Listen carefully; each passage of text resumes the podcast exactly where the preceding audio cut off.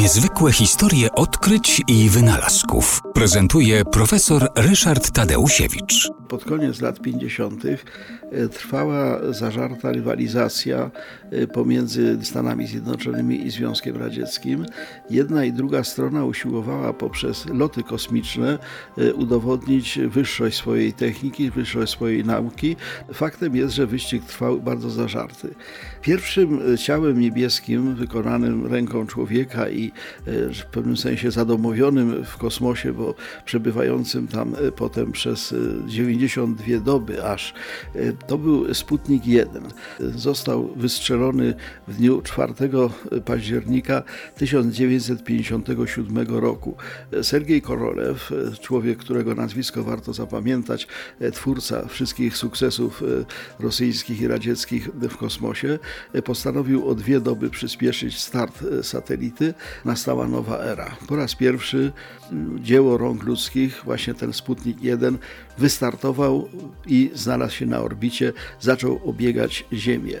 E, Sputnik 1 miał kształt kuli, miał 58 cm średnicy, kilkunastocentymetrowej wielkości satelity amerykańskie wypadają przy nim e, dosyć blado.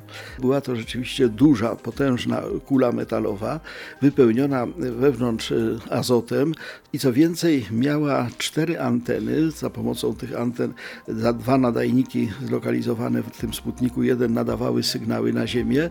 Można było obserwować jego krążenie wokół Ziemi, e, przy czym e, to wypełnienie płynnym azotem wnętrza miało na celu sprawdzenie, czy e, tam w kosmosie, gdzie jeszcze do tej pory żadne ciało zbudowane ludzką ręką nie było, nie ma mikrometeorytów, które mogłyby przebić pancerz takiego satelity i go rozhermetyzować. Wobec tego jedną z ważnych, jednym z ważnych celów tego pierwszego lotu kosmicznego kosmicznego było sprawdzenie, czy kosmos jest na tyle bezpieczny, że można tam wyruszyć, na przykład mogą tam wyruszyć również ludzie.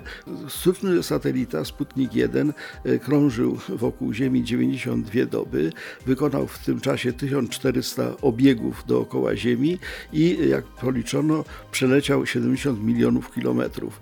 No, 4 e, stycznia 1958 roku spłonął w atmosferze i, e, no, że tak powiem, był ten eksperyment zakończony zakończony, natomiast z całą pewnością on odegrał ogromną rolę e, w psychologii e, amerykańskiej.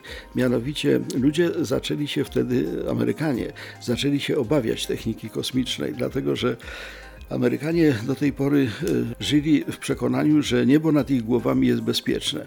Żaden samolot wrogi niosący na przykład bombę atomową nie przedrze się nad, nad terytorium Stanów Zjednoczonych, nie zagrozi im.